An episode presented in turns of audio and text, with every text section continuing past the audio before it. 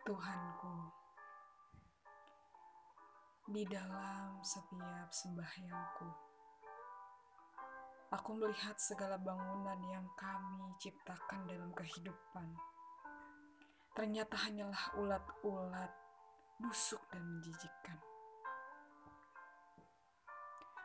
Ulat-ulat itu bergelantungan di meja, di jendela, di pintu, di kursi, di gantungan pakaian, di kaca dan lantai mengilat, di rak-rak buku, di langit-langit bilikku, di meja korupku, di nyala lampu-lampu, di tumpukan surat-surat dan segala hiasan dinding yang beku.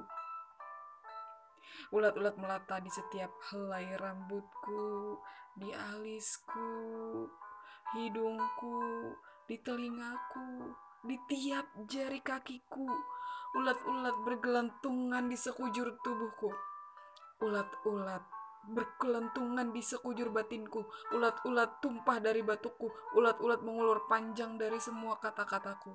Ulat-ulat menjulur dari tenggorokanku. Ulat-ulat keluar masuk hidung bersama napasku.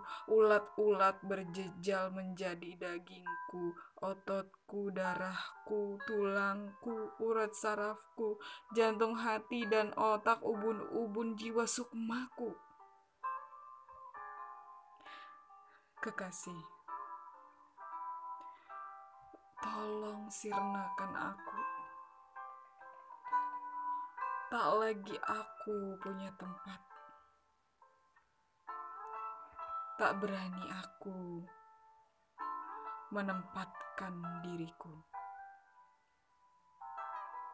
Puisi 55 karya MH Ainun Najib dalam buku 99 untuk Tuhanku.